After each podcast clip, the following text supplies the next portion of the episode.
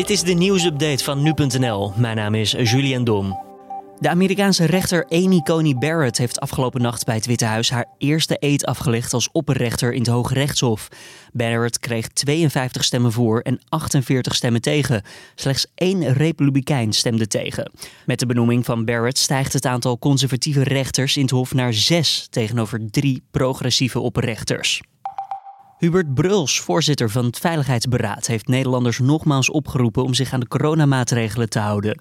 De krapte in de ziekenhuizen moet ons stimuleren om ons aan de maatregelen te houden, zodat het aantal besmettingen daalt, al dus Bruls. Bruls voegde daar verder nog aan toe dat hij zei gedeeltelijk begrip te hebben voor mensen die frustratie hebben over het feit dat zij wel een coronaboete hebben gehad, maar honderden mensen die bij een illegaal feest, in onder meer Laren waren, niet.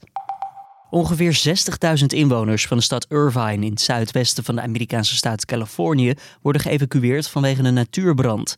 Inmiddels is al ruim 800 hectare in vlammen opgegaan. Hoe deze brand is ontstaan is nog niet duidelijk.